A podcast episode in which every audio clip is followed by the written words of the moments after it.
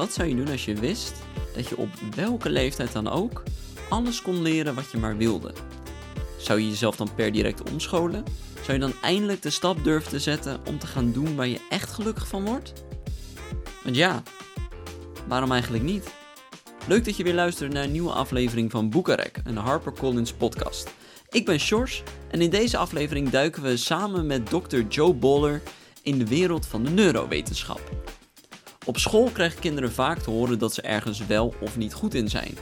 Ze worden gedwongen bepaalde toetsen te doen, waarvan de uitslag uiteindelijk zal bepalen in welke richting ze hun studie moeten vervolgen.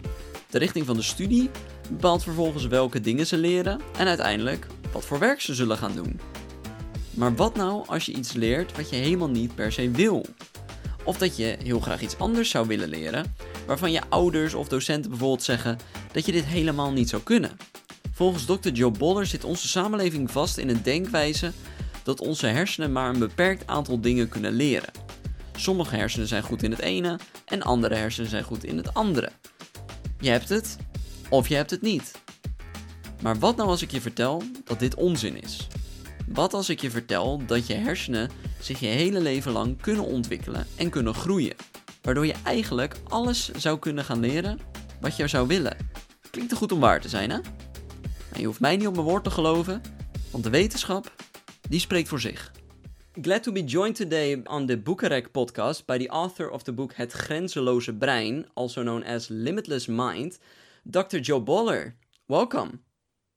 Thank you for having me. How, how have you been experienced this in the last couple of uh, months? Um, it's very different. I'm working entirely from home now. Um, I'm enjoying seeing more of my children who are not in school, but have been working at home also. Um, but it's um, had its ups and downs. I guess it's a different different way of being. Yeah, yeah. It's it's it really uh, takes a lot of adjustments. Yes. How did you keep yourself sane during these months? um, well, I have adapted to doing a lot of my teaching and meetings online, as many other people have. So my days are just as busy as they were, maybe a little bit more. So it's a, your your work is still going on. Yes, it's it is still going on. I've also been preparing to teach. I teach during the summer, and usually my course is very well planned and I'm ready for it. But I've had to redesign the whole course to be online so um, that's kept me busy as well. You are specialized in the ability for the brain to grow and for people to learn new things. Um, and to, to get started, uh, where did your fascination with the brain come from? Ooh, that's an interesting question. I think uh, my journey into neuroscience started with meeting Carol Dweck, who is the mindset guru and when I read Carol Dweck's work, she talked about the brain and she talked about how mistakes are really powerful for our brains and um, you know how our brains are growing all the time. And it was around the time when i went started back at stanford. I'd been at stanford then i moved back to england and i moved back to stanford. Um, so then i connected with actual neuroscientists at stanford and just learned a lot more about the brain. It all seemed really important for people to know about. So that was why I decided to write about it in the book. Yeah, to to get back to your beginning, were you uh, a curious child? I think so. Yes, I remember growing up. Um, at the time, I when I was young, my mother was in a teacher training program, and she would bring home these exciting maths manipulatives uh, like Cuisenaire rods and different things that you can build with in mathematics. And I loved that. I used to sit for hours um, making things. So um, I think that is partly why I became really interested in maths and the particularly the visual and physical ways you can engage your mind with maths. So your your parents really motivated you in that way. Yes, I think so. I had parents, and then I had a really great teacher who, um, of all the maths teachers I had at school, there's only one really that I remember as really being great. And interestingly, I looked her up just about three weeks ago um, and found her. She's retired now, she's in England, and she and I have been emailing each other since then. Oh, wow, that's great. And uh, did, did that experience with her made you uh, enjoy school? Well, like many people, I had good and bad experiences in school. Um, I enjoyed some things. I didn't like, I remember in school, I didn't like how much it was about memorization. Um, just remembering lots of lots of facts and things that you had to reproduce on a test. I was much more interested when we had more creative projects to do. That particular maths teacher was really different for me because prior to her, maths had always been just sit on your own, work through exercises. And she changed things by asking us to talk to each other and to discuss the ideas. And that really made the subject change for me. And in what way? Well, um, I think when you get to talk to somebody and discuss the ideas in maths, you start to see it as a subject of interesting ideas rather than a subject of methods that you just reproduce yeah it's it's really about the maybe the the, the journey of finding the solution and not just uh, remembering uh, some ways right exactly and and using your own ideas not just reproducing something a teacher has showed you i think that's what excites people when they get to have their own thinking yeah. Uh, I, I am personally someone who didn't enjoy going to school because uh, I didn't like that people forced me to learn some things and to memorize them. And if I didn't do that or know this, that I couldn't get my diploma and uh, wouldn't make it in the world. Um, do you see this a lot with kids? Definitely, yes. Um, you know, the world has changed so much and our schooling hasn't. Um, it amazes me sometimes that there isn't a revolution and kids get up and walk out of lessons because, I mean, I do a lot of work with maths and in, maths in particular is so different from the world where we would be using technology and um, working with interesting ideas, but in classrooms, they really look like they looked a hundred years ago with students just taking standard knowledge and reproducing it. So I think many students um, become unhappy with school. It's interesting. I, I live in the center of what's known as Silicon Valley, where there are lots of great innovators and creative people who've made Google and Apple and you know many other technology companies. And many of the leaders uh, had bad experiences in school or dropped out of school or uh, were labeled as having special needs. Um, it's really quite interesting. It's not the people who were very good at just reproducing the teacher's knowledge. Now, you, you talk about this in the book.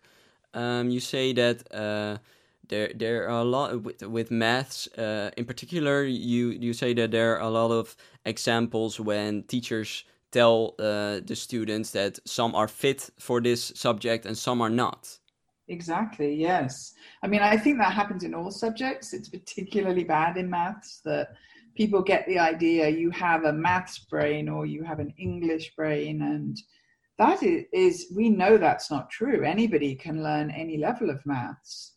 But it's something that's held a lot of students back because teachers usually have given the idea oh you know some of you will be good at this subject and as soon as you get that feeling that you aren't one of the people that will change how your brain operates and actually will cause you to be less successful because when the teacher tells you you're not uh, smart enough for this or you can't solve this, then you you as a child or as a student will believe in that.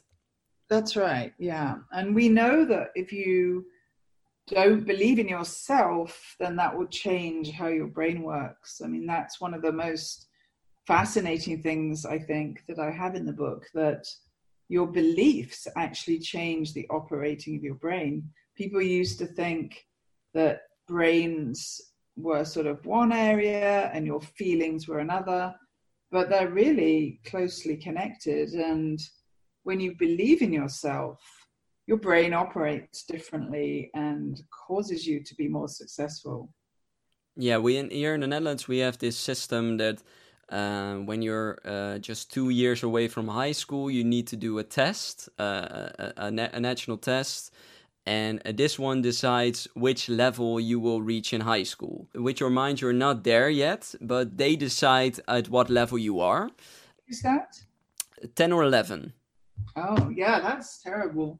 Yeah, because then you get into uh, a, a, class with people who get the same profile as you, um, and then after two years you can specialize in some uh, in in some uh, package with a lot of subjects, but you can drop a lot of them as well. And I mean, I think systems like this have been built um, before the neuroscience we now have that tells us we don't know what an 11 year old can do and they you know 11 year olds can go in any direction and develop in all sorts of ways. So it's just wrong to judge what somebody can do at age 11 and then have that set out a pathway for them. But i i i mean when these systems were set up people used to believe that by the age of 11 we knew what kind of brain you, you had and we could make those decisions but now we know that that's wrong. And sadly, our education systems are not quick to adapt. Um, and so we still have structures like that that I think are very outdated with the with the knowledge we now have. So the, the science makes uh, huge leaps, but uh, education is is still behind. Yes, that's sadly the case. Yeah, can because that's the the premise of your book. You talk about neuroplasticity. Can you tell me and and the listeners uh, what that is exactly? Yes, neuroplasticity is an is an area of neuroscience that's very well established now. That um, shows that people's brains are constantly adapting and changing. So, one of the uh, neuroscientists that I like a lot, his name is Norman Doidge, um, he talks about how um, every day we wake up, our brains are different because of all the change that's happened during each day. So, one of the things we know is that every time we learn something, one of three things happens in the brain. One possibility is you start a new brain pathway the other is you strengthen a pathway you already had. And the third is that you form connections between pathways. So that's happening all of the time. And our brains are laying down and strengthening these pathways that we need as, as we're uh, going through the world. So um, the brain is much more, this is why they use the term plastic. Um, it's the most adaptable part of the body. And that has huge implications, really, should have huge implications for the way we live our lives. But I think a lot of people who hear this ask the question, um, yeah, but till what age does the does the brain evolve? and my answer to that is there is no age limit. I mean, they used to think that. Some people thought brains were fixed at birth. Some people thought brains were fixed by the end of adolescence. But now we know brains are never fixed. And some of the studies I share in my book are studies that are um, done with people in retirement homes where they engage them in different activities and look at which areas of the brain grow more. Um, and they find significant brain growth, particularly if people are doing new things. So, one of the things that um, one of the cultural habits we engage in is retirement. And when you get older, people often stop working. Um, that's probably not what we want to be doing for our brains. We want to keep our brains active and learning new things um, to develop new pathways. and there is no limit to when people when people can do that. This this discovery must have been a, a real big revelation when you found this out. Yeah, I, I, was very interested. I mean, I, I some of the first studies in that revealed brain plasticity um, were in London, which is where I'm from, and they were studies done with black cab drivers, and they knew that black cab drivers were had had this really complicated task of remembering all of the possible routes in a 20 mile radius in London, all of the connections. Um, and then they take this really hard test called the knowledge.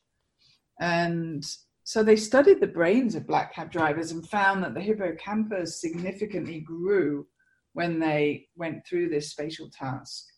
So when that study came out, it shocked a lot of people because it was done with adults and they hadn't thought that adult brains were changing that much.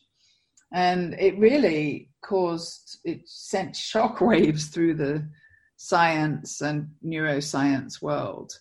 Um, and there were people who were very, had been very sure that brains were fixed. And so they really had to change their position. That started a lot of research and more and more studies coming out showing that you know, even at ages 60 or 70, people can still grow and change their brains. So you, you think that when this is discovered, it would also shock the educational system? Yes, although um, in defense of educators, there are really no good mechanisms for that for teachers and others to learn about research like that. This is why um, I started a website a few years ago now called YouCubed, Y O U C U B E D, to get this information out to educators um, and parents. There's teachers that learn to teach at the beginning of their career and then never again really do they have opportunities to learn new new research so and often research knowledge is locked up in journals that you have to pay for. And so there's lots of ways we uh, stop people learning and don't help educators and parents learn. But it uh, it's also, uh, I think, um, it seems an impossible task to to change this way of of teaching because uh, our society is built on you go to school, you specialize in something, you study something, and then you go work in that field. And uh, and and normally you you will be, be working there till your retirement. Uh huh. Yes. Yeah, the system is kind of built like that, and I think the big changes I try to make in schools are to take away barriers that are put in the way of kids. I think I'm okay with people specializing when they're older and deciding something to work in, as long as everybody has that free choice. So we shouldn't be deciding for students, you know, you can't go further in maths now. That happens in a lot of countries. Um, or you, you know, can't go forward in the arts or in English. Those should be choices that people make themselves um, and we should take away barriers. The other problem, of course, is when we decide who has more potential from a narrow test. Um, and those tests really assess memorization. So in the US, where I work now, the people who get pushed forward are the ones who are good at memorizing. That's actually not, I mean, people who are good at memorizing, we know they don't have more potential. Um, they're just that they're good at memorizing and then there are many kids who are creative thinkers or, or slow deep thinkers who are held back and given the idea they can't be successful no you get you, you like you said you have to memorize things and that's maybe the way uh, why uh, why me personally i don't remember a lot of stuff i uh, learned in high school or maybe even in college yeah, nor me. I mean, I think even the people who are good at memorizing forget what they've memorized because they're, they're not deep, um, meaningful experiences. Those are the experiences that implant in the brain and stay. We know that anybody can memorize something, put it in their short term memory, and then it's gone. So um, I don't remember things I've memorized for school or college, and I'm sure many people are the same. And that's why there, because of that, no um, new paths, neuro neural paths are formed. You say? Yeah. To to lay down those really good brain pathways, we need a whole different form of learning that's uh, deeper learning and also more connected. One of the things I share in the book that I think is very interesting from neuroscience is in maths, for example, uh, there are five different areas of the brain that are involved when you work on a maths problem. And the best learning happens when you connect those different brain areas. So um, those b- connections come about when we see maths in different ways. So, for example, not just numbers, but seeing something visually, or maybe building it physically, um, those, or talking about it with words those are all, four different ways of engaging with maths. And when you um, experience it in all those different ways, it causes this great connected brain to develop. Is that something like they say, like uh, experience is the best teacher? Yeah, absolutely. And if so, I love to engage people in maths in my classes by giving them complicated problems that are visual and physical. They might have to move around for them and involve them thinking in all sorts of different ways. And they really experience a task. They don't just read a question and repeat a method. Um, so yeah, we and we know that when people go out into the world, I mean, one of the very few things I do remember from school are where they were experiential like when we went out and we built something or we developed a project in some way. That i remember. The yeah. lots of things i memorized uh, i don't remember any of those. They are gone. Yes. Yeah, do you think this this this way of teaching this whole new uh, model you think that can be done globally i do um, think we can get this way of teaching out to people. I on our website we have lots of resources, lessons, and other things, but also we have some online classes for students and for teachers. And we have studied those and we've found that they've significantly changed the way people teach. So, just a short online intervention can give people new ideas that change what they do. Um, so it doesn't seem to me that it's so hard. Um, and I think the most important thing is to get teachers to be excited about these new ways of teaching and then they take them forward. You, th- you think that we can um, motivate our children in a way to, to think about the brain like that and not like the old way? Yeah, I mean, I really think it's important that parents and teachers are sharing the brain evidence with students. Um, we, I know teachers who do that, who talk to their kids about their brains and how they're growing and what strengthens the brain, and they totally get it. They're fascinated, even little kids, and then that changes them as they go forward. So we've found in our work with schools that when kids get this information, you can learn anything. It's not about being fast. Um, it's about your mind and your beliefs.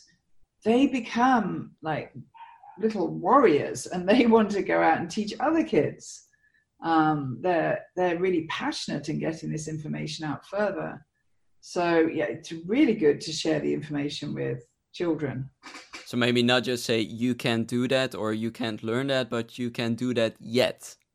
That's right. Yeah. Anytime um, students struggle or fail, I think that's a really important message. Maybe you can't do it now, but you will be able to. It, you you're not doing it yet is a really um, yeah that word is important. Yeah. As an example for myself, uh, I've got a nine month old son and how can I give him the right tools to develop this limitless mind at this age? Well, the best way we can develop our minds is through experiencing things in different ways, as I've said. So, even at that early age, we can start to introduce our little ones to um, seeing things and touching things that are different. Some of the research I share in the book, which will be important for you as a parent just in the next couple of years, is actually the importance of our fingers for developing mathematical understanding.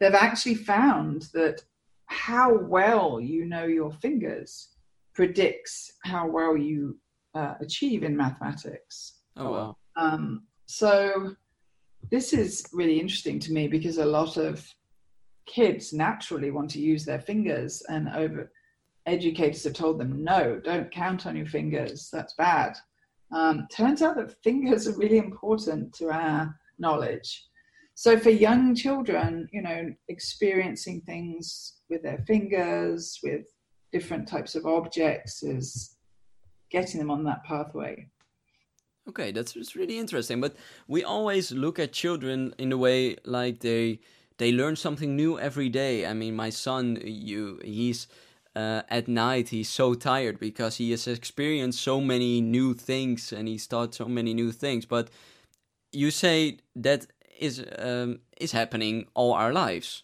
basically. If we're open to it, I mean, we, we see this that young children are so interested in learning and then as they go through school they get less interested in learning and that's partly because they start to get the message that they're not good enough. When people turn away from learning it's usually because somebody's given them that idea. They can't be successful. Or they've looked at other people who seem quicker and they think oh i can't be like that. So they gradually start to be less interested in learning. But our little kids, the little ones, are endlessly curious. Um, I wish we could keep that curiosity going while people are in school. I think to conclude, it's really important as a parent and as uh, teachers that we tell our children that we can that they can learn everything they want to and they set their mind to and but also as adults that we know that even if we haven't studied for it or uh, we don't work in that area, we can still do different things. Exactly. You can take on any new projects and learn about it. And fortunately, we have a world now where there's always learning accessible online classes and books. And yeah, adults, just like children, can do anything. Well, thank you for your time, Dr. Jo Boaler. And I urge everyone to go read your book uh, in Dutch, Het Grenzeloze Brein, because I really think it's fascinating and uh, we can it can really help us uh, develop our own minds. And I think uh, we uh, we can all benefit from that. So thank you. Thank you. Dus is jou je hele leven verteld dat je bepaalde dingen niet zou kunnen leren? Nu weet je dat dit onzin is. Want als je het echt wil, kun je hersenen zo trainen dat ze alles aan kunnen. Wil je nou nog meer weten over de neurowetenschap en de plasticiteit van de hersenen? Het boek Het Grenzeloze Brein is nu verkrijgbaar in alle on- en offline boekhandels. Of kijk natuurlijk even op harpercollins.nl. En daarmee zijn we alweer aan het einde gekomen van deze aflevering van Boekarek, een HarperCollins podcast. Voor meer gesprekken met jouw favoriete auteurs kun je ons vinden op Apple Podcast, Spotify of alle andere podcast apps. Voor nu wens ik je nog een fijne dag. Blijf thuis, blijf gezond, blijf altijd leren en blijf vooral lekker lezen. Tot de volgende keer.